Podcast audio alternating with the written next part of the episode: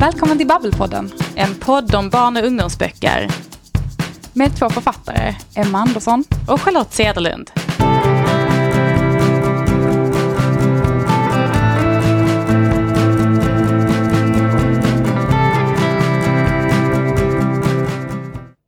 Du Emma, funderade du någonsin på att ge ut dina böcker själv?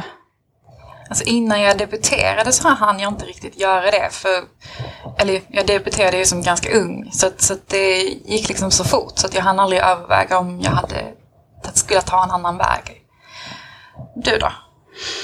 Ja men det gjorde jag ändå. Alltså jag hade ju ändå, jag höll på i tre år med samma manus. Och liksom stångade huvudet blodigt. Och skickade in flera vändor till förlag och fick refuseringar och också sådana här fina kommentarer men där kontentan ändå var nej tack. Och jag tror nog att jag jag trodde nog inte att jag skulle kunna bli antagen av ett traditionellt förlag, så jag började ganska tidigt fundera lite på vad alternativen var. Och jag tyckte nog från början att det lät ganska jobbigt med, alltså vad ska man säga, 100% i egenutgivning. Så det jag riktade in mig på var nog det som kallas för hybridutgivning idag. Det vill säga att det finns ändå ett förlag men där författaren står för finansieringen. Men sen blev jag ju antagen eh, av ett förlag. Och sen har jag inte behövt tänka mer på det. Men det, det, det, var ändå ganska stora tankar. För någonstans hade jag ändå bestämt mig för att jag tyckte så pass mycket om mitt manus och min idé så att om förlagen inte ville satsa så skulle jag göra det själv. Så jag tror att jag hade gjort det om jag inte hade fått ett ja. Jo men det är lite där jag har varit också. Alltså, just när jag debuterade så, så var det aldrig någonting jag behövde reflektera över. Men jag har också blivit refuserad. Jag tror att alla, alla författare blir väl det under sin, mm. under sin yrkesverksamma karriär. Eh, och jag blev ju, eller jag blev, har framförallt ett manus som är, som är så här, ja men det är ökänt i min, det ligger i min, i min låda nu och liksom jag har skickat det, jag tror jag skickat det till alla förlag i hela Sverige. Eh, ingen vill ha det. Men, men jag, jag, jag känner lite samma sak så här, att det har ju ändå någonting. Mm. Borde, jag, borde jag göra någonting med det? Men jag är ju för lat. Jag, jag känner att jag, jag är lat och okunnig tror jag. Jag tror inte jag skulle kunna ta hela det lasset själv. Men varför tror du förlagen har sagt nej till det då? ja, men, många anledningar. Men jag tror, jag tror faktiskt ibland att de är lite fega faktiskt. Mm. Jag tror inte att ja, men man vågar inte alltid satsa på någonting som man inte är helt säker på att ja, men det, här är, det här kommer att sälja.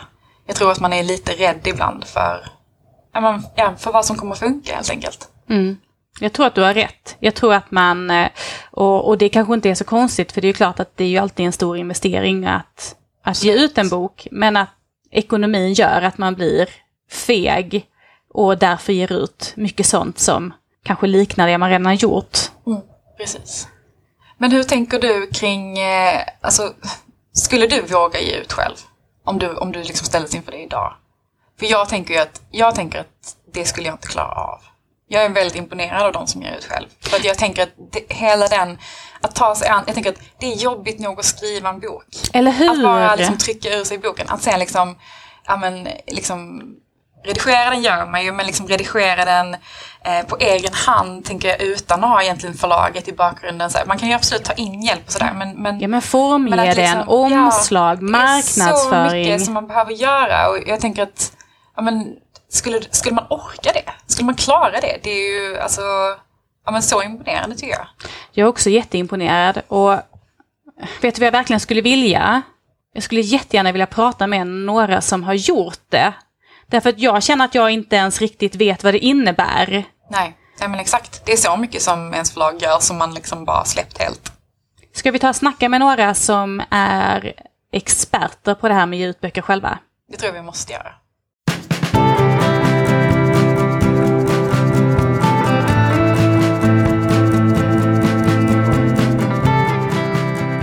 Den ena är statsvetaren som varvar att skriva fantastik med att skriva erotik. Hennes berättelser handlar ofta om mod, makt och vänskap och hennes senaste bok Stanos Volta nominerades nyligen till Fantasykammarens topplista för bästa serie. Den andra är hemmaodlaren som älskar friluftsliv och gärna skriver om det. Sin första bok skrev hon till sin son och den har uppmärksammats ända borta i Storbritannien. Det de har gemensamt är att de inte låter andra bestämma hur eller om vad de bör skriva sina böcker. Varmt välkomna Anna Jakobsson Lund och Moa Wall Kubilius. Hej på er! Hej, hej, hej! Hur mår ni? Eh, jag mår bra. Bara bra här också. Bara bra där också. Härligt! Det ja. känns ändå som att då börjar vi på ett bra ställe. Alla mår bra liksom. Ja. Hörni, vi ska ju prata om egenutgivning av barn och ungdomsböcker idag. Och jag är såklart jättenyfiken på varför just ni valde att ge ut böcker på egen hand istället för på ett traditionellt förlag. Eh, Anna, du har gett ut sju böcker, om jag har räknat rätt, på eget förlag. Eh, varför valde du att göra så? Ja, alltså, jag har funderat på det där och för mig så tror jag att, att tanken att ge ut på eget förlag har alltid funnits där. För jag gick en, en skrivkurs för väldigt många år sedan på universitetet, en sommarkurs. Och då hade vi besök av en författare som just hade gjort en, en, en sån resa. Hon hade gett ut en fackbok eh, på eget förlag. Och jag, då hade jag inte ens startat mitt egna företag som jag har drivit tidigare. Utan kände bara att ja, men det där var ju häftigt. Det var ju coolt att hon gjorde så. Vad coolt att hon tryckte upp alldeles för många böcker och sålde dem ändå. Och vad cool hon var som gjorde, tog det här egna steget. Och jag hade till och med ett namn på mitt förlag, liksom klart, att det skulle heta i sådana fall Annorlunda förlag. Och sen, sen startade jag ett företag som råkade börja heta Annorlunda konsult. Och när jag sen började skriva på allvar igen efter en paus så, så gav jag ut min allra första bok på eget förlag för att det kändes som att men det där är inte en bok man skickar in till, till ett större förlag. Sen när jag började skriva fantastik och skrev tredje principen så försökte jag komma in på, på större förlag och kände väl att, att det skulle vara skönt. Men, men fick inget riktigt gensvar.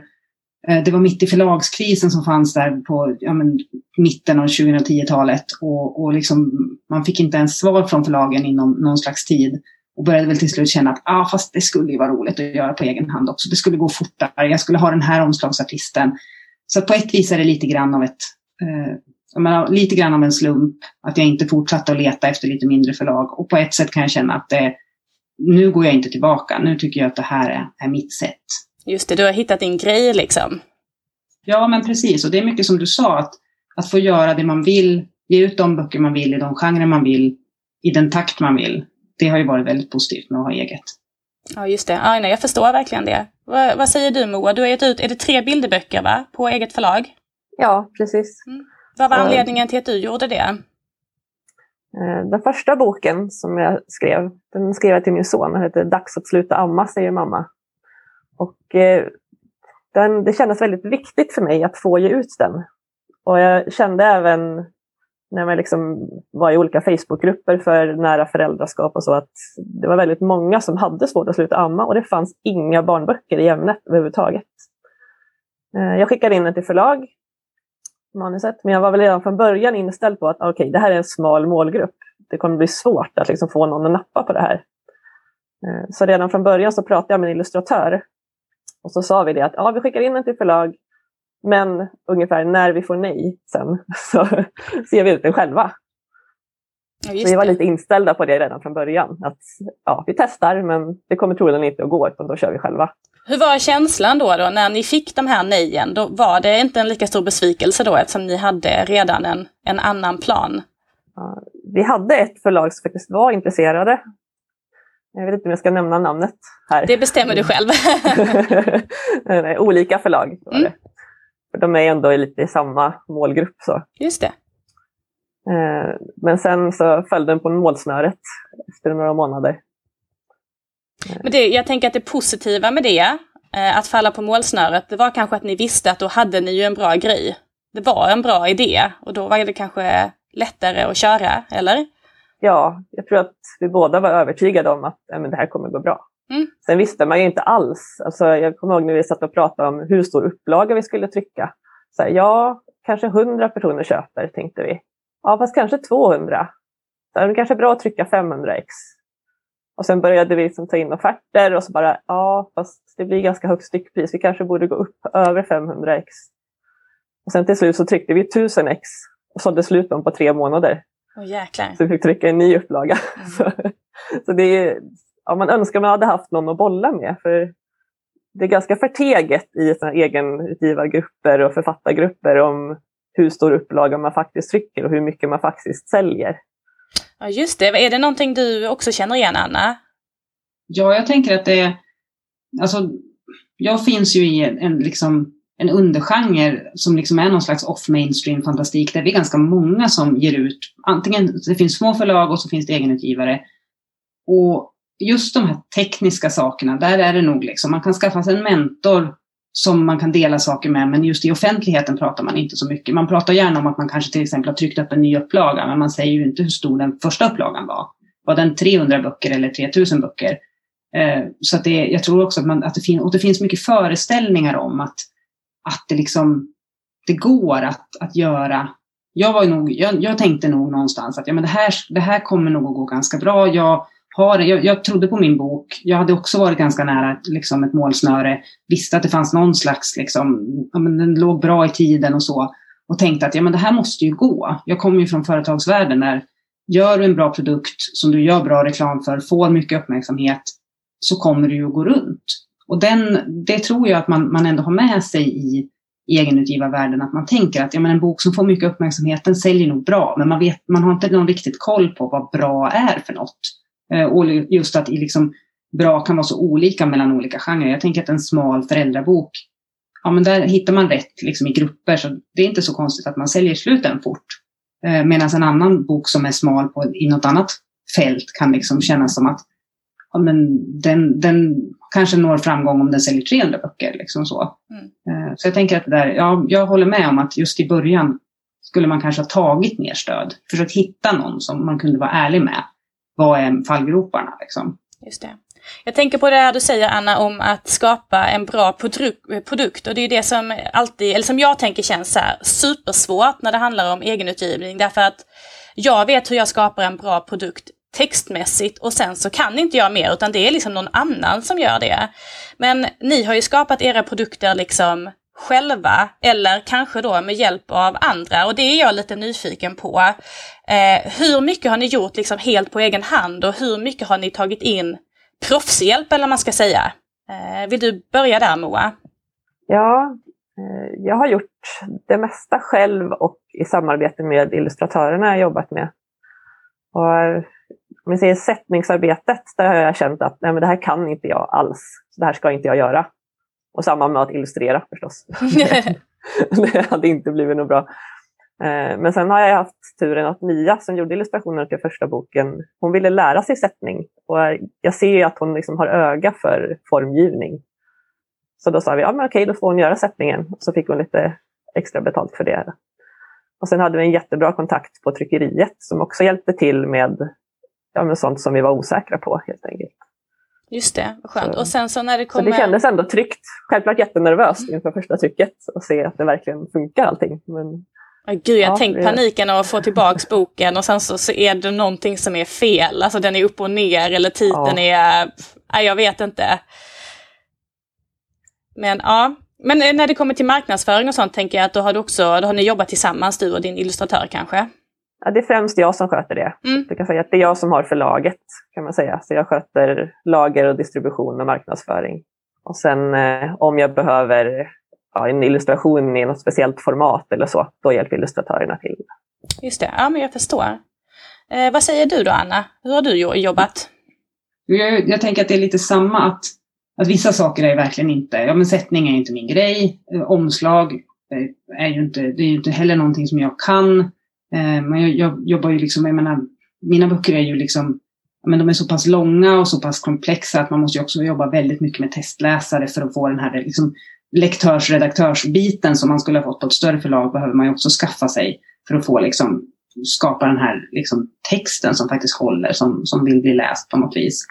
Och, och det där med att det liksom blir fel, alltså det, till slut så börjar man ju liksom vänja sig vid att ja, men man får ju vara, jag får kortare och kortare liksom, tidsperiod tills jag, alltså jag får boken till mig, man får skicka några, några ex från, från trycket när resten går till lagret. Och så tar man upp den och, och, för ett par böcker sedan så var det liksom så, åh vad snygg den är, och så bläddrade jag igenom den och så fick jag liksom direkt syn på ett svinstort sättningsfel. Som var sådär liksom, det här kommer ju ingen att missa. Det tog liksom 23 sekunder av lyfta och sen bara, shit, fel på min bok. Eh, boken efter var liksom sådär, ja men gud vad kul, vad fin den är. Och så liksom börjar man bläddra, så fan vad mycket språkfel det var i den här. För då hade jag bytt korrfelsteknik och liksom fick inte till korr, korrläsningen ordentligt. Så den var liksom full med språkfel och det såg jag också på en gång. Den senaste boken nu, Stångens Volta, den var ju inte ens tryckt än när jag insåg att jag hade, att, att, att jag hade gett den ett ISBN-nummer som redan finns för att jag hade blandat ihop ISBN-numren. Så då fick jag liksom, innan jag ens hade fått boken, försökt fixa det med, med okej, okay, hur kan jag få den att liksom, jag fick, den fick en liten lapp på rumpan så att ISBN-numret blev, blev ett nytt och det löste sig. Och sen när den dyker upp så är det så här, åh vad snygg den är. Fast skulle inte den här, hade vi inte sagt att det här skulle vara i guld, det här som är i silver? Shit, tryckeriet har gjort fel, fan också. Och sen, men den är i alla fall jättesnygg ihop med den här andra boken i serien, fast de är inte lika stora. Och, och liksom, om man ligger på ett annat förlag så kan man alltid säga, okej, okay, förlagets fel. Ja, det är inte mitt fel. Men alla de här misstagen är ju någonting som man själv behöver äga och som man själv behöver då se som utvecklingspucklar och, och vara liksom så här, ja ja, det, man, man liksom överlever det. Men i början är det inte så himla roligt när man upptäcker de här grejerna. Men det, det är liksom, på något vis så hör väl det till att man har ju enormt många hattar. Ja. Man sitter ju liksom på alla roller. Även om man lämnar bort grejer så har man projektledaransvaret för så väldigt mycket. Mm. Och det kan i kombination med att, man, att jag inte jobbar heltid som författare och att jag har familj så kan det bli så att vissa hattar trillar liksom av ibland helt enkelt. Man har inte huvud nog för alla hattar. Och det kan man väl kanske från utsidan ha full förståelse att det blir så att hatten blåser av ibland. Men jag blir lite nyfiken där, hur, hur, till, hur stor del jobbar ni liksom med, eh, vad ska man säga, er skrivandet slash förlagsverksamheten? Hur stor del av en arbetsvecka, eller vad man ska säga? Ja, det är väldigt olika i perioder. Man ser, vid eh, lanseringen så att säga, då jobbar jag ju extremt mycket. Då är det kanske en sex timmar om dagen kanske. Eh, utöver då att jag har ett heltidsjobb. ja, oj ja. ja. Eh, men ofta har jag ganska lugnt på jobbet så det kan liksom sno lite tid där också. eh, sen är det andra perioder som, en sån period jag är inne i just nu, när manuset är färdigt och illustratören håller på med liksom skisserna. Där jag egentligen inte kan göra så mycket. Jag kan jobba med marknadsföringen på tidigare böcker. Men annars är det bara att vänta i några månader. Ja, just det. Men det mm. kanske är skönt att det går lite upp och ner, tänker jag. Eh, ja, det tycker jag. För jag, jag odlar mycket grönsaker som sagt. Och då är det skönt att kunna ja, sprida ut det jobbet över året på det sätt som passar mig. helt enkelt. Så under vintern kan jag jobba mer med böckerna och under sommaren jobbar jag mer ute i trädgården. Vad säger du då, Anna? Jo, jag, har ju, jag jobbar 75 procent. Jag har liksom valt att, att bara ha deltidsjobb. Och sen så har jag också, alltså det går ju också väldigt mycket perioder. Dels för att man har olika intensitet på sitt, liksom jag har ett arbete som ibland kräver rätt mycket. Eh, så det kan göra att jag ibland inte har orken att liksom också lägga väldigt mycket tid på, eh, på mitt skrivande. Men men i perioder så blir det väldigt mycket. Eh, och jag, jag hade ju den här erfarenheten av att jag knäckte en, en... Jag var med i SCBs stora undersökning om arbetstider och arbetsliv där de liksom ringer varje kvartal i typ ett par år. Och förra sommaren så ringde de och så var det så här, ja din, din ordinarie tjänst, hur mycket har du jobbat på den under den här veckan som de skulle mäta? Ja, jag hade ju semester så ingenting. Ja, hur mycket jobbade du på den här extra? För då visste ju liksom de att jag hade den här andra, att jag hade liksom min tjänst uppdelad. Ja, eh, 70 timmar. Aha, oj, då var ju det inte din, din, den här veckan var det din riktiga. Och så var de tvungna att börja vända allting i sina enkäter. Så jag liksom knäckte dem lite grann där. För att det, liksom, det var en sån vecka där jag hade haft mina barn och sin pappa. Och, och liksom gått in i något slags totalt flow. Och det var covid så man träffade ingen. Och, och ja, då blev det 70 timmar den veckan helt enkelt. Men det var ju en väldigt extrem vecka. Så att det, jag, jag försöker också, alltså ska man göra det här seriöst så behöver man lägga enormt mycket tid. Det tror jag att många, alltså det har inte så mycket med egenutgivningen att göra, utan det är många författare, oavsett om man har eget, alltså om man, om man liksom är författare på heltid eller, eller driver något annat jobb på något vis, så jobbar man ju enormt mycket. Det här är ju det man tycker om, det man vill göra. Så jag tror att man lägger väldigt mycket tid. Men det blir ju också så att för varje ny bok så blir det också lite mer att hålla reda på. Lite mer marknadsföring, lite mer att man liksom, det kanske händer något roligt, man får vara med i något sammanhang. Så, så lite sådana saker tar ju också mer och mer tid för varje bok som man ger ut. Just det. Tror du att du kommer behöva gå, med, gå ner ännu mer i tid vad det lider, eller? Hur tänker du? Alltså, det är ju det där också att, att det här är ju ingenting som jag tjänar några pengar på. Eh, jag tar tjänstledigt från mitt, mitt dagjobb tre veckor varje sommar. Och det är ungefär det som, det överskottet på, på mina böcker räcker ungefär så långt. Det är liksom, det är också en sån här grej som man kan få, när man liksom, som egenutgivare så får man den här känslan ibland att, ja men gud vad bra det går för den här personen. Och jag tror att i mitt skrå så är jag lite grann den personen som folk tänker att, ja men hennes böcker ser man överallt, eh, det pratas mycket om dem, eh, hon säljer bra till bibblan och så vidare. Och, och där har jag ju liksom under en period tänkt att, jo men den här, de här ringarna på vattnet, att om man säljer så här många av den här boken och så hittar man sina läsare och så borde det sprida sig och nästa bok borde sälja lite till och lite till.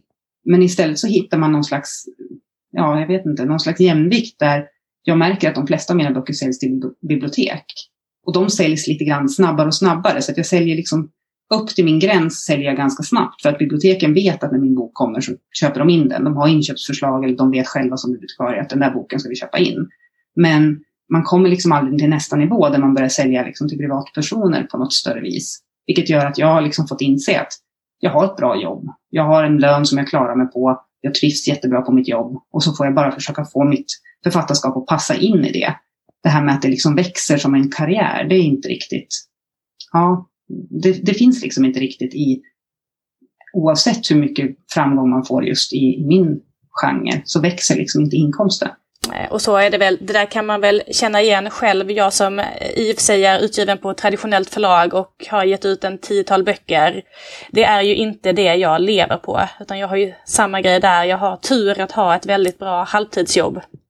Som är flexibelt, flexibelt med en hyfsat bra lön. Och eh, jag hade aldrig kunnat Eh, leva på mina författarintäkter tyvärr. Och är ganska långt ifrån det. Alltså det är inte heller som att tio böcker har gjort att jag har kommit närmare utan man ligger och har ungefär samma intäkter varje år eh, oavsett liksom. Men eh, jag tänker... Man, man, får inte in så mycket på själva böckerna utan då kanske Nej. det är liksom Skriver man för barn så kan man åka ut och, och göra skolbesök och lite sådana saker. Och då byter man ju i princip ett jobb mot ett annat jobb författarjobbet blir fortfarande inte större så att säga. Nej men precis. Precis. Och jag tänker så här att eller så här, ekonomi är alltid jätteintressant när man pratar med författare och det blir liksom lite extra intressant när man pratar om egenutgivning därför att jag menar, vi, vi är alla påverkade av att böckerna kanske mest säljs till eh, bibliotek eller till skolor och det är inte jättestora upplagor. Men den stora skillnaden är ju ändå att ni måste ju eh, liksom lägga ut pengar för själva produktionen. Det är ju där det skiljer sig åt. Jag blir mest påverkad av att mina intäkter, ja men jag tror jag fick 15 000 kronor i royaltyutbetalning förra året. Alltså det är Don't quit your day job. Men då har ju mitt förlag stått för hela produktionen och trycket. Hur finansierar ni liksom själva om vi tänker produktionskostnaden? Hur gör du Moa? Mm jag har ju kört med crowdfunding. Så inför tryck så har vi kört en Kickstarter-kampanj där människor får förbeställa böckerna. Och som sagt, det är då jag lägger liksom, som mest tid på utgivningen med att försöka sprida den här Kickstarter och bygga upp en liksom, följarskara som är intresserade. Just det, och för de som... Jag, men jag vet att det kan vara väldigt svårt också, helt beroende på vilket ämne man skriver om och hur väl man liksom lyckas nå just den målgruppen. Just det, precis. Men det är väl ändå smart, för det är för de som inte riktigt kanske är med på vad en Kickstarter är, det är i princip att man tar in förbeställningar, eller? Ja, precis. Det är en plattform som du lägger upp, det är inte bara böcker, utan det finns ju alla möjliga olika projekt på plattformen. Så du, du lägger upp din idé, helst ska den vara liksom nästan färdig då, så att folk är säkra på att du ska fullfölja. Eh, och sen så har du liksom olika nivåer kan man säga. Att det kan vara förbeställ en bok, förbeställ två böcker så kanske du får lite billigare. Förbeställ två böcker plus en t-shirt och en tekanna med tryck. Eller, alltså, det går att dra i all oändlighet. Just det. En del som har liksom att man kan, ja, för att få in liksom extra pengar utan att det var några utgifter så kan man ha till exempel ja, du får en personlig chatt med författaren eller du får ditt namn i bokens sluttexter eller ditt namn, du får namnsätta en av karaktärerna i boken. Det finns massor med olika idéer som folk har. Just det. Men vi har kört mest av bara rena förbeställningar då, på ett antal böcker. Ja, ja men jag, jag tycker det låter det är ju jättesmart för att slippa ligga ute med lika stora summor, tänker jag. För det är ju det svåra, tänker jag, att hela tiden mm. ha kapital till det. Hur gör du, Anna? Mm, jag hade ju eget företag när jag startade och det gjorde att jag kunde liksom ja, men jag hade lite överskott så jag kunde liksom på något vis köra igång den första boken eh, på de pengarna. Och sen har, jag, har de väl liksom sålt så pass att de, de liksom, ja, men man får in tillräckligt mycket för att ha råd att, att trycka nästa bok. Och sen de senaste, vad blir det nu, fyra, fyra eller fem böckerna så har jag haft som tur att jag har också fått eh, litteraturstöd från Kulturrådet. Och det är ju någonting som ges till förslaget. Eh, och, eller till förlaget. Och det är ju, eh, ja, om man som författare och som man, om man ligger på ett, ett förlag som får kulturstöd så är det ju förlaget som får det. Så det är pengar som man som författare i vanliga fall inte ser. Eh, men, men jag har ju då, det går ju in till mig så att jag, jag använder ju de pengarna för att de brukar liksom kunna finansiera de här, liksom, jag lägger ganska stora pengar ändå på omslagsartister och sättning och, och sånt. Tycker en hyfsat stor upplaga ändå för att det på något vis ska, ska gå runt och bli så snyggt som jag vill, det, vill ha det. Och då brukar de pengarna liksom gå på ett ut lite. Och det, det gör ju att man, ja, men de inkomster man får kan man då lägga på sidoprojekt, trycka någon bok som pocket eller få för sig att göra en översättning eller göra något annat knasigt. Så det brukar återinvesteras i andra knasiga idéer oftast, de där, de där extra pengarna. Just det. Men det, och det är ju kul. Det är alltid roligt att följa dig, Anna, eh, och se vad du hittar på. Men jag tänkte det här litteraturstödet, det kan inte vara jättevanligt att det går till egenutgivare, eller?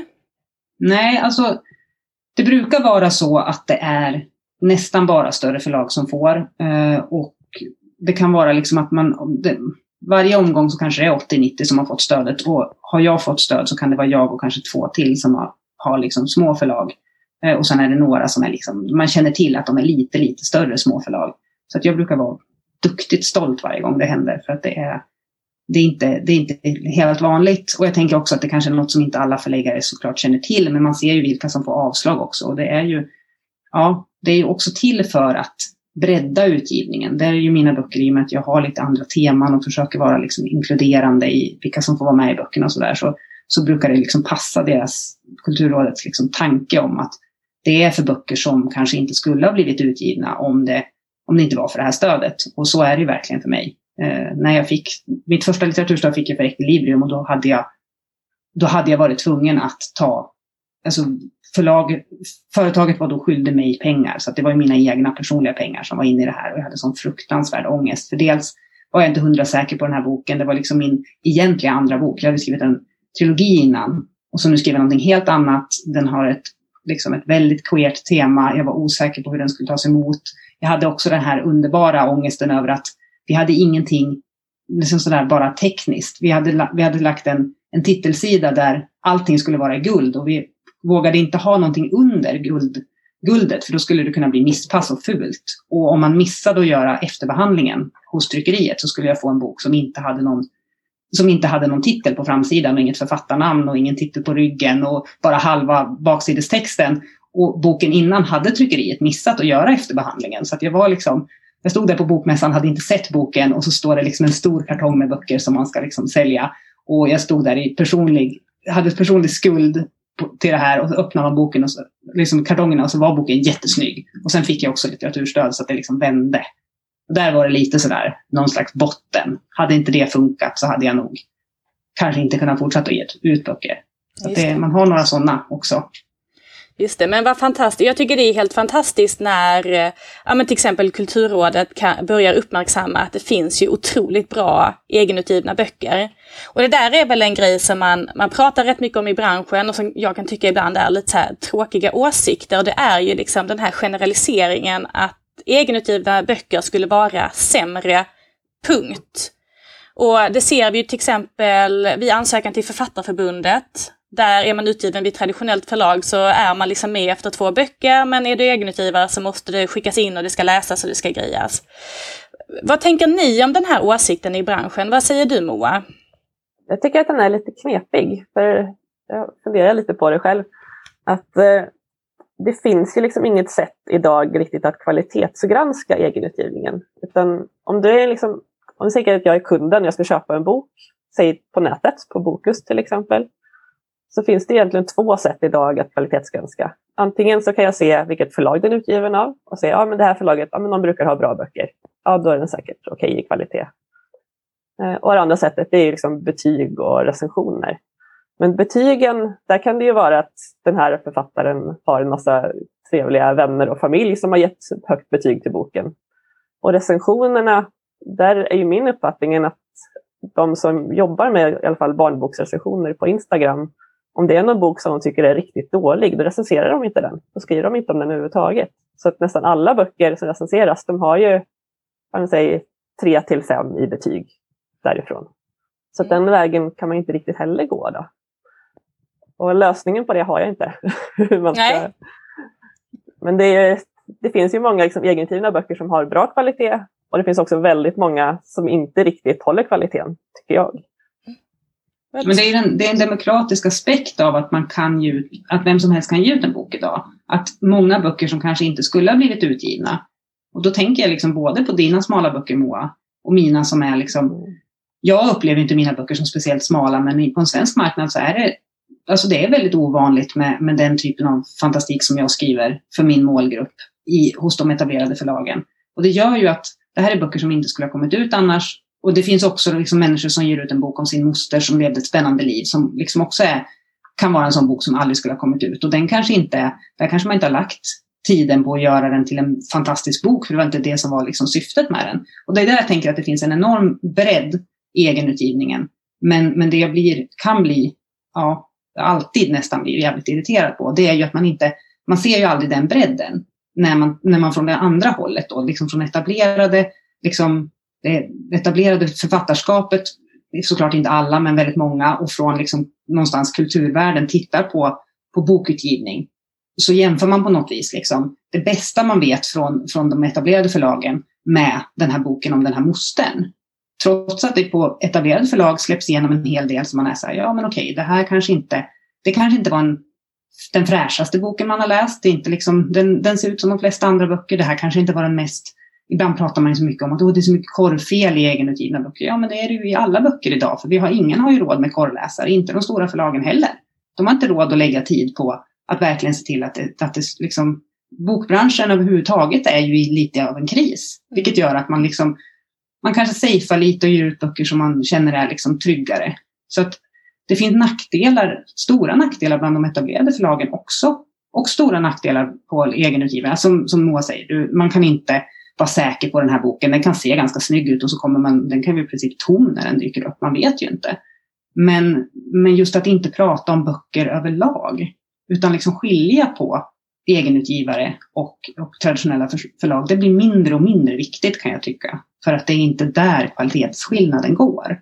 Nej, jag tycker du har en jätte, jättebra poäng där. Jag, jag håller verkligen med dig att, eh, att jämförelsen måste börja bli lite mer differentierad än bara de två blocken. jag håller med dig. Det, det känns också som att det är skillnad liksom i Sverige jämfört med till exempel USA. Att när du säger indie-musik och liksom indie-bokbranschen i andra länder har liksom mycket högre status än vad den har i Sverige. Mm. Och även att, om just, när du säger indie-musik, alltså människor som skriver musik och gör ut själva, de har inte så låg status i Sverige, vad jag upptäckt i alla fall.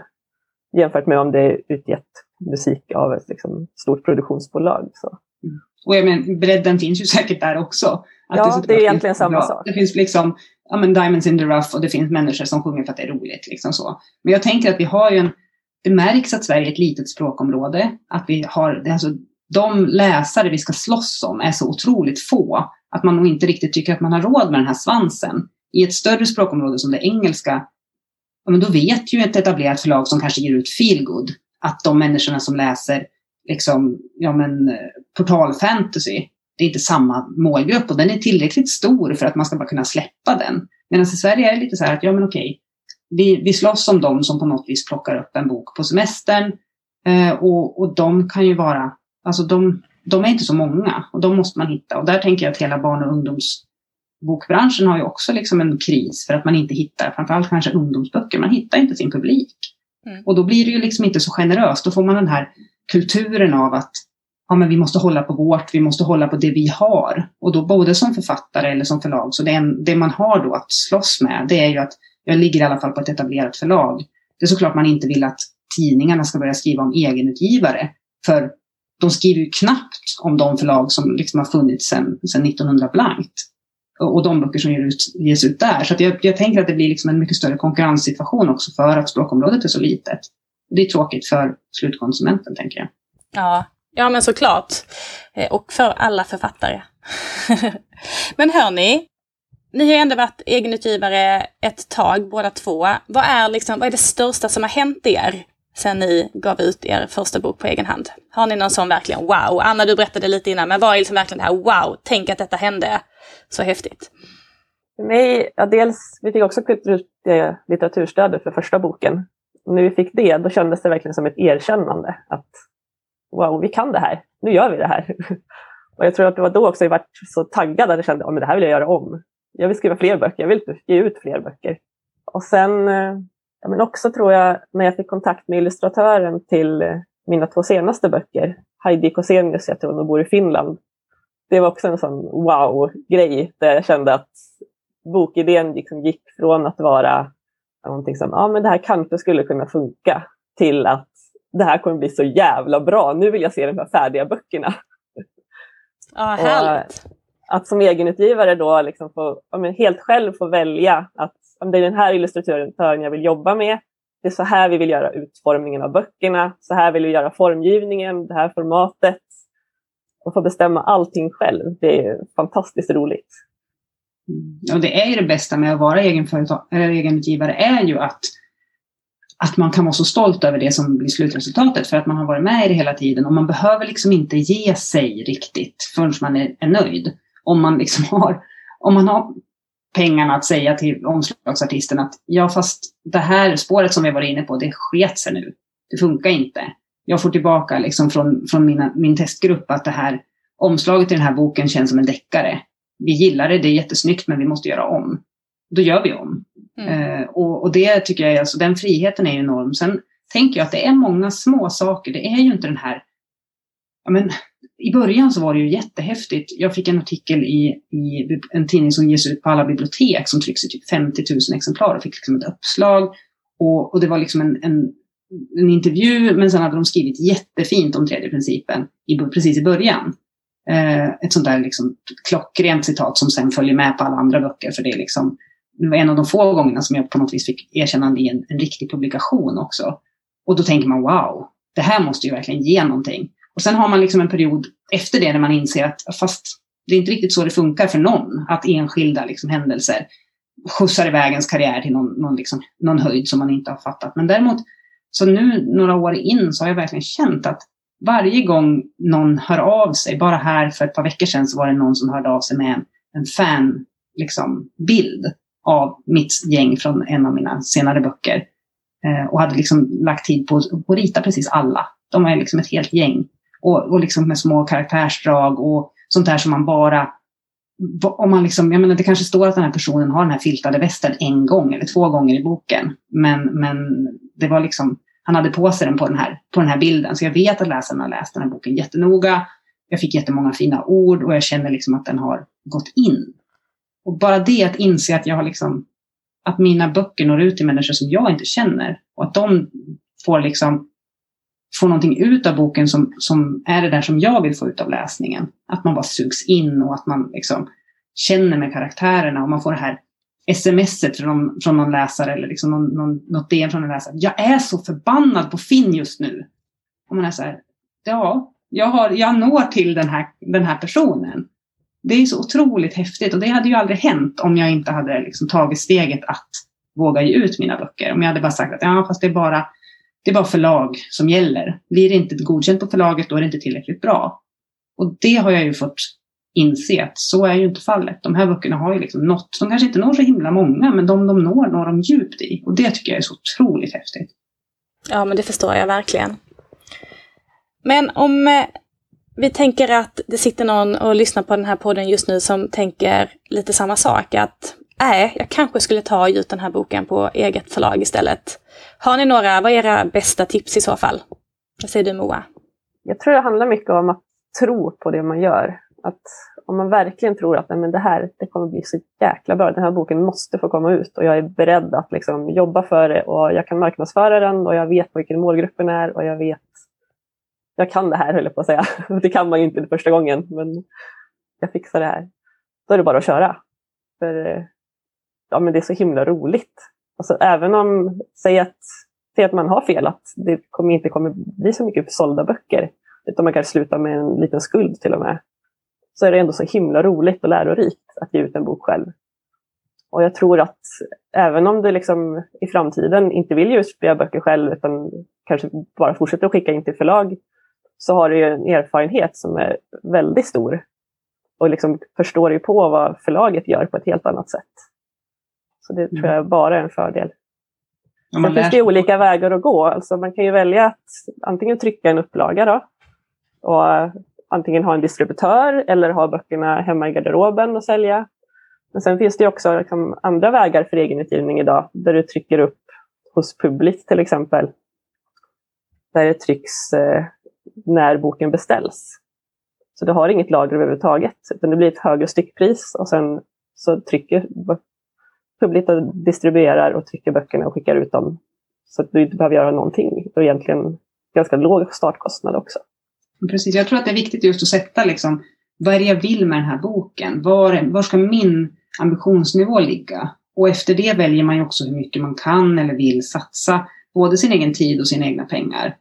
Och att man liksom någonstans, om man bestämmer sig för, det gjorde jag tidigt, att jag bestämde mig för att det ska inte se, man ska inte se någon skillnad på min bok. Och en, alltså det som är bra med de traditionella förlagen är att man kan ha dem som någon slags benchmarking. Det var viktigt för mig att man ska inte tänka när man ser den att oh, den här boken är ut, egenutgiven. Man ska inte tänka när man har läst den att oh, men det märktes att den här boken var egenutgiven. Man ska tänka shit, vilken bra bok. Och sen kan man liksom, det har jag märkt, man kan förvåna läsaren ett par gånger genom att vara egenutgivare och ändå ge ut en bok som håller väldigt hög klass. Sen, måste man, sen blir ens liksom, namn och förlag på något vis en, någon slags stämpel. Så då måste man ändå liksom hela tiden ligga där uppe. För annars är det så här, men den här boken var inte bra för att komma från det här förlaget. Så då blir man som någon slags etablerat förlag hos just de här läsarna.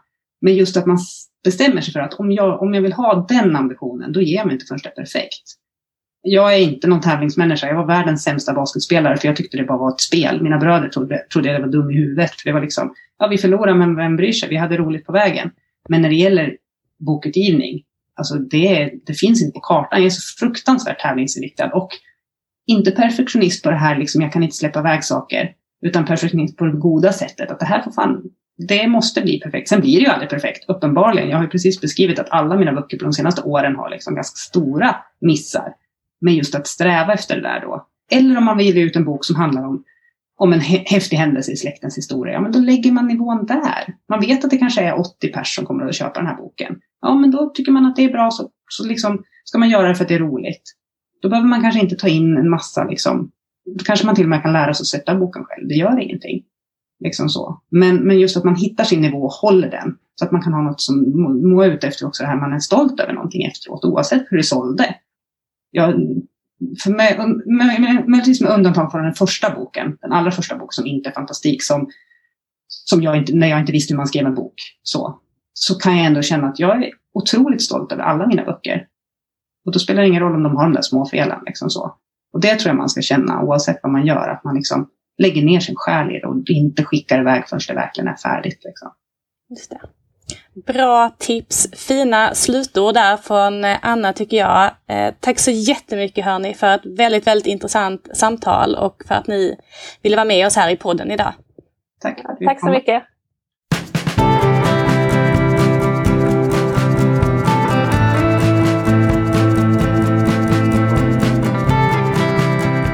Jag hade rätt det är verkligen sjukt imponerande människor som håller på med det här. Eller hur? Alltså vilken grej att sköta hela, hela utgivningsprocessen själv. Ja, alltså jag, jag, kan, jag, kan förstå, jag kan förstå varför. För just det här att liksom ja, men få behålla hela den kreativa kontrollen liksom, över hela processen. Jag förstår verkligen att man vill det och jag önskar att jag ja, men hade dels haft tiden men också liksom modet mm. och, och, den ekonomiska möjligheten att göra det. Ehm, men ja, det, det, är, det är verkligen sjukt imponerande, det är det. Men verkligen, och jag kan tycka att det är lite synd för om man tänker egentligen det här med alltså, kreativitet och frihet. Det borde ju vara någonting positivt, att man vill ha, att man inte vill bli styrd utan man vill skapa det som man vill skapa jag tycker det är synd att det ändå nedvärderas ganska ofta i bokbranschen. Ja, för det är ju trots allt baksidan av det här och det är ju ändå att alltså även om, ja, men, som sagt man ser väldigt mycket upp till de här personerna, eller jag gör det för att jag, jag känner att man förstår liksom verkligen hur mycket jobb som ligger bakom. Men trots allt så har, det, har ju egenutgivandet liksom ganska, ja, men, jag skulle inte säga dåligt rykte, men, men det, har, det finns ändå någon, någon slags negativ klang eller känsla kring det tycker jag. Mm. Ja, men jag håller med. Jag, jag tycker också att det är så. Eh, att man drar alla egenutgivare över en kam oavsett om det är liksom någon som bara har velat skriva en bok om sin mormors liv eller någon som eh, Moa och Anna som gör en riktigt ambitiös utgivning som egentligen liknar precis den som man gör hos de traditionella förlagen. Mm. Nej, men jag, tycker det är, jag tycker det är jätteintressant för att Alltså man har ju ändå lite, jag tycker man hör mer och mer.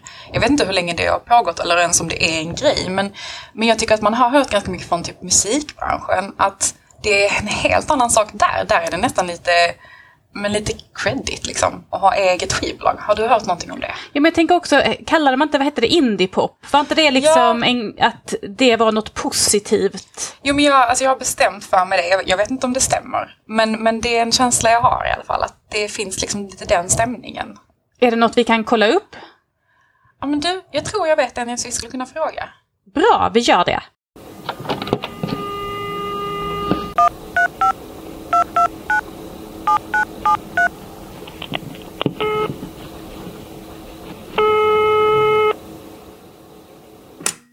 Håkan Engström. Hej Håkan, det här är Emma på Babbelpodden. Eh, hur är läget? Ja, hej. Allt bra med dig? Det är fint, hur är det med Jo då, det är bara bra. Eh, du, du är ju eh, musikredaktör på Sydsvenskan. Och ja. jag skulle vilja prata lite med dig idag för att jag har en spaning som jag skulle vilja bolla lite med dig. Eh, och det är nämligen så att innan idag så har min kollega Charlotte pratat med författarna Anna Jakobsson Lund och Moa Wall Kubilius. Som båda har gett ut eh, sina böcker på eget förlag. Eh, och om man ska vara helt ärlig så råder det ändå liksom som en stämning i bokvärlden där man liksom ser lite ner på dem som ger ut böcker på eget förlag. Det är som att det finns liksom en liten känsla av att här, man anser att de var inte duktiga nog att ge ut på ett riktigt förlag. Eh, och att böckerna egentligen liksom inte håller måttet och att det är därför man har gett ut själv. Eh, trots att det ju finns de som är jätteduktiga och skriver fantastiska böcker och däribland då Anna och Moa. Eh, och snarare så tänker ju vi att ja, det kanske faktiskt är så att de traditionella förlagen är lite väl rädda ibland för att satsa på någonting annorlunda. Men i musikvärlden så upplever jag att det är ganska mycket tvärtom. Eh, jag får liksom känslan av att det har blivit något av en trend att starta eget skivbolag. Skulle du säga att det stämmer? Det ligger jättemycket i det. Eh, det har ju, I decennier har det varit så att det varit hög status att ligga på ett oberoende bolag. Eh, och ju mindre desto bättre. Alltså är man, är man sin egen så signalerar man eh, konstnärlig integritet. Eh, vilket är väldigt viktigt, inte minst inom eh, de alternativa popgenrerna, om det är hiphop eller punk. Eh, eh, man vill liksom fjärma sig från eh, kommersen, man vill inte signalera det där. Eh, ofta har det varit så att man, man eh, genom att driva sitt eget eh, skivbolag så har man fått göra precis vad man vill. Eh, men man har också upptäckt att man gör något ut. Så då börjar man samverka med andra och så växer det. Men det är viktigt ändå att hålla, hålla avstånd till de stora eh, kommersiella aktörerna. Och det där, det där har ju eh, fortgått i så många år och do it yourself eh, attityden är så hipp. Så även väldigt etablerade artister låtsas vara sig själva. Eh, jag har upplevt det på senare år eh, i stigande utsträckning att eh, jag försöker leta efter pressbilder eller förhandslyssning till, till, till stora etablerade artisters eh, alster så, så märker jag att ja, men jag hittar inte världen för skivbolag. Ja, det är för att det är något väldigt, en väldigt obskyr etikett som ofta bara är Beyoncés egen eller Rihannas egen. Eller, inte Springsteens, men, men, men man har en egen etikett. Och så får jag googla och googla och googla så slutar det för det mesta med att aha, även detta är en underetikett under Universal. Eh, som är världens största skivbolag. Eh, men man signalerar inte gärna att man är en del av denna stora kommersiella maskin. Det är faktiskt... bok, bokbranschen, bokbranschen och skivbranschen är lite annorlunda. alltså, upplevelsen av att vara en, en, en förtrupp är ju alltid cool. Men författare behöver nog i de flesta fall eh, hjälp av professionella redaktörer. Medan i skivbranschen så är det ofta så att människor som jobbar, jobbar på de stora bolagen har erfarenheter. De har en viss typ av erfarenhet men den erfarenheten kan stå i vägen för det, detta nya uttryck, denna eh, subgenre av grime-musiken som man inte begriper det. Så då handlar det rätt mycket om att man vill stå tillbaka och låta de nya aktörerna, som ibland bara är enmannaföretag, få köra sitt race och sen så hoppar man på detta som, som, som alltså Universal kommer kanske ett år senare.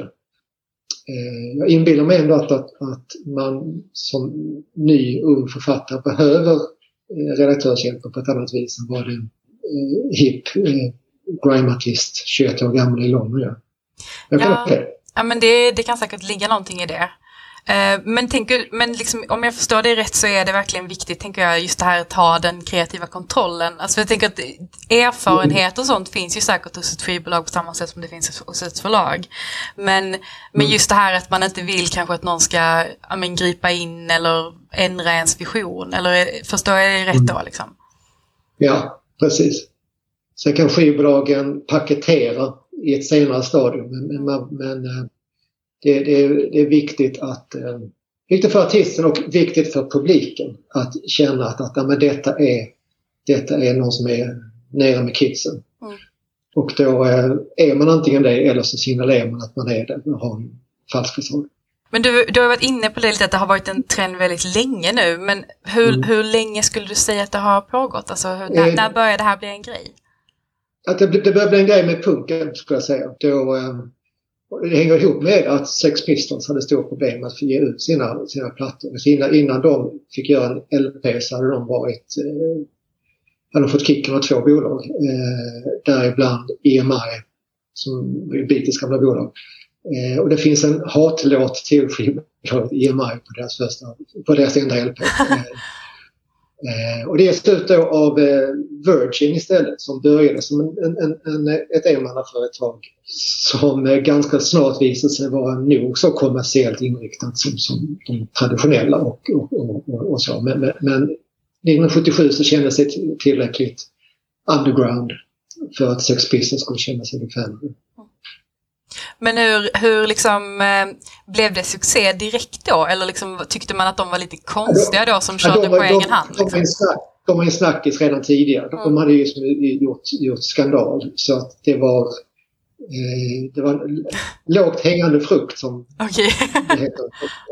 Ja. Men det där spred sig så det fanns, alltså, det fanns ett skivbolag som heter New Rose som gav ut de, eh, The Damned, de allra första singlarna, punksinglarna i, i i England och Stiff Records som var ett, ett, ett, ett mer eller mindre ett musikerkollektiv med, med punkmusiker. Och det var ofta, ofta där roligaste, mest eh, fingrarna på pulsen eh, aktiga bolagen börjar. Så det är, det, är, det är musiker som själva har en scen och man slår sig samman.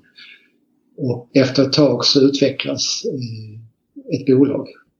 Nu, nu, nu, alltså med teknologin så är det inte så nödvändigt att ha ett traditionellt bolag. Man behöver inte ha en, en riktig inspelningsstudio och så vidare. Man behöver inte ha så mycket startkapital. För det är det som egentligen har varit skivbolagens stora eh, uppgift. Att tillhandahålla pengar så att, så att fyra engelska killar kan ställa, eller eh, en, en hiphop-duo i, i, i, Sverige kan, kan eh, få tid att spela in och jobba med sina grejer. Mm nu behövs inte det längre utan man kan göra ganska så professionella produktioner på egen hand. Så att numera så är, är skivbolagens uppgift i första hand att eh, lansera. Att göra slut, slutförpackningen och lansera. Och detta öppnar ju världen för, för artister. Att, att amen, jag kan ju faktiskt göra detta utan inblandning. Och eh, de första åren av karriären så är det viktigt att kunna göra det.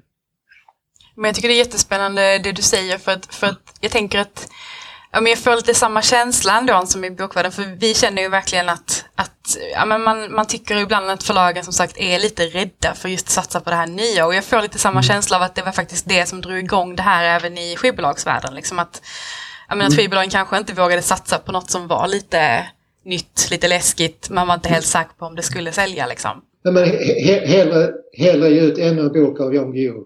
Ja, eller ännu, ännu en LP med Deep Purple än mm. att satsa på det här lite konstiga. Ja men precis, precis.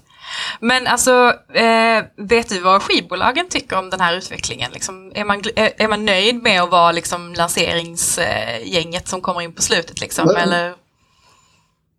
Eh, man, har, man har funnit sig i att, att det är så här det fungerar. Eh, under, under tidigare decennier så, så, så eh, var de stora jättarna ängsliga. Men upptäckte ändå efter ett tag att, att det finns så mycket barnsjukdomar på de riktigt små bolagen. Eh, och de ideellt arbetande entusiaster som har drivit detta i några år, de är trötta efter ett tag och låter sig gärna köpas upp. Eh, och då blir det en, en, en strategi redan på, alltså redan, redan 70-talet, men, men kanske framförallt mot när, när eh, den så kallade indie-popvågen var som starkast. Eh, och den var väldigt stark i Sverige också med, med skivbolag i Norrköping och eh, Norrland inte minst. Men efter några år så var man slutkörd och lät sig gärna köpas upp av, av eh, de stora bolagen.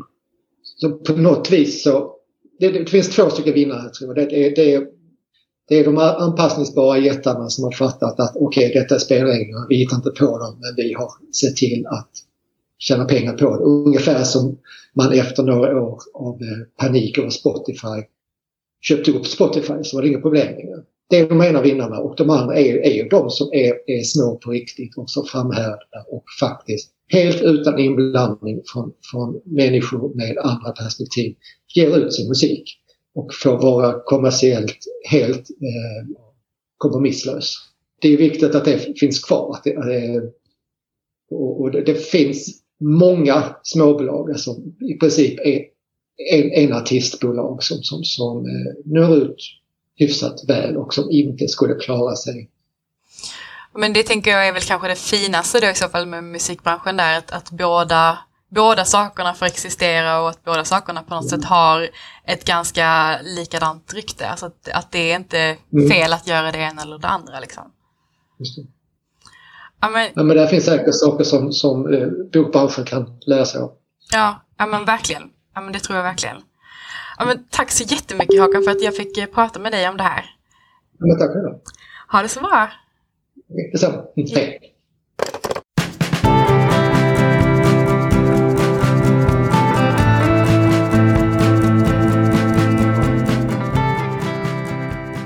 Nu blir det boktips! Charlotte, vad har du läst idag? Jag har läst en bok som heter Asynja, Kungens grav. Som är en historisk roman för mellanåldern kan man väl säga, riktar sig till eh, barn som är 9 12 år gamla. Eh, skriven av Elisabeth Östnäs och Lina Neidestam och den kom ut i september på Bonnier Carlsen. Och det här är då den första delen i Asynja-serien och om jag har förstått det rätt så ska det bli totalt fem böcker i den här serien.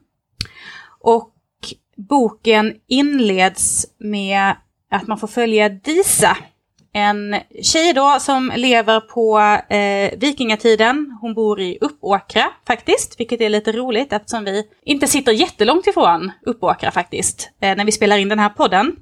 Och stackars Disa då, hon förlorar hela sin familj när det kommer elaka män från islandet. Och ja, helt enkelt dödar hela hennes familj. Det börjar väldigt dramatiskt och hemskt. Men Disa hon är en tuffing så att hon bestämmer sig för att hämnas och för att göra detta så måste hon ju bli lite mer en krigare. Så att hon tar sin brors namn och kämpar sig till en plats i Alsnökungens hird. För att då kunna träna till krigare. Men livet är mycket hårdare än vad hon trodde. Det är alltså hård träning, det är jättetuffa utmaningar, det är liksom fysiskt jobbigt verkligen. Och eh, dessutom så måste hon ju hela tiden dölja att hon egentligen är en flicka. Så det är ganska utmanande. Och sen så när man kommer lite in längre in i berättelsen så inser man att det finns någonting annat också. Det finns någonting som gömmer sig bland gravkullarna nära Alsnö. Det är en kraft som kallar på Disa. Och man undrar ju såklart, vad är det här för kraft? Eh, och jag ska inte berätta mer för då tänker jag att jag spoilar. Men det här är en fantastiskt spännande bok. Det är liksom, som ni förstår, det börjar, det börjar väldigt brutalt direkt och sen så fortsätter boken i ett högt och spännande tempo. Och den är väldigt rikt illustrerad. Det är ju inte alltid böcker i den här eh, åldersgruppen, men den här boken är väldigt rikt illustrerad. Ibland blir det nästan lite seriekänsla. Det är absolut inte en serieroman, men, men det kommer liksom sidor som är väldigt, väldigt illustrerade. Eh, och det är ju Lina Neidestam som har illustrerat. Men det som är intressant med det här samarbetet är att det här är inte en författare som har skrivit och en illustratör som har illustrerat, utan de har jobbat ihop den här berättelsen tillsammans. Så text och bilder lever liksom ett gemensamt liv. Och jag tycker det märks för att det hänger ihop otroligt fint och text och bild förstärker varandra verkligen. Så det är en jätte, jättefin bok, det är en jättespännande bok. När jag hade slutat läsa den här så ville jag direkt hoppa på del två. Eh, den har inte kommit än, jag hoppas den kommer snart, för jag vill typ läsa den nu, kan man säga. Du då Emma, vad har du läst för någonting? Ja, men jag kör vidare lite på ja, men lite det historiska temat kan man ju nästan säga att det blir då. För jag har läst eh, Den mystiska hovstriden av eh, Elin Hägg och hon har också illustrerat den själv. Och den är för åldern 69 år och eh, kom ut på bokförlaget Opal i september i år. Och det är en, något så spännande som en historisk deckare. Den utspelar sig i slutet av 1600-talet och handlar om rättegången där den unga Anna Bärfelt är misstänkt för att ha stulit en värdefull jacka från änkedrottningen. Oj, oj. Och en liten flicka, Stina då, hon är med på den här rättegången för att lyssna och höra vad som har hänt. Och medan vittne efter vittne dyker upp för att berätta sin version så blir liksom mysteriet kring Anna allt mer spännande och komplicerat. Och jag älskar ju historia. Eh, och den här boken är också baserad på verkliga händelser. Så, eh, ja, och det kan man också läsa lite mer om i slutet av boken.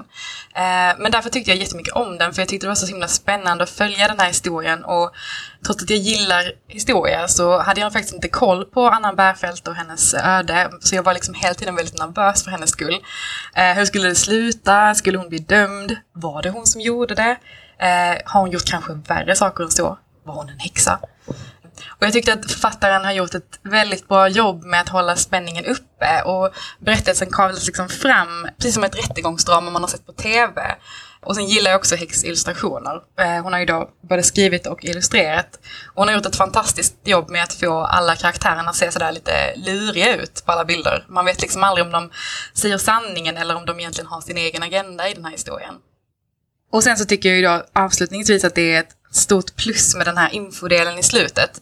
Eh, där man då får reda på vilka karaktärer som verkligen fanns på riktigt eh, och även liksom hur historien omkring dem såg ut eh, i verkligheten. Så för en historienörd och även för den som kanske vill lära sig lite mer så var det ett jätteroligt och fint komplement i berättelsen. Men jag rekommenderar verkligen den här boken, även för alla andra. Det var om inte annat en väldigt spännande historia. Det låter verkligen som en jättespännande historia. Men det var väl allt för idag. Mm. Och eh, om ni har några tankar om eh, böckerna vi har läst eller om ni skulle vilja tipsa oss om några andra böcker som ni tycker att vi borde läsa så får ni jättegärna lov att ja, lämna en kommentar, skicka ett mail till oss, eh, kontakta oss på vilket annat sätt ni hittar på. Eh, vi blir bara glada om ni hör av er. Ha det så bra! Hej hej!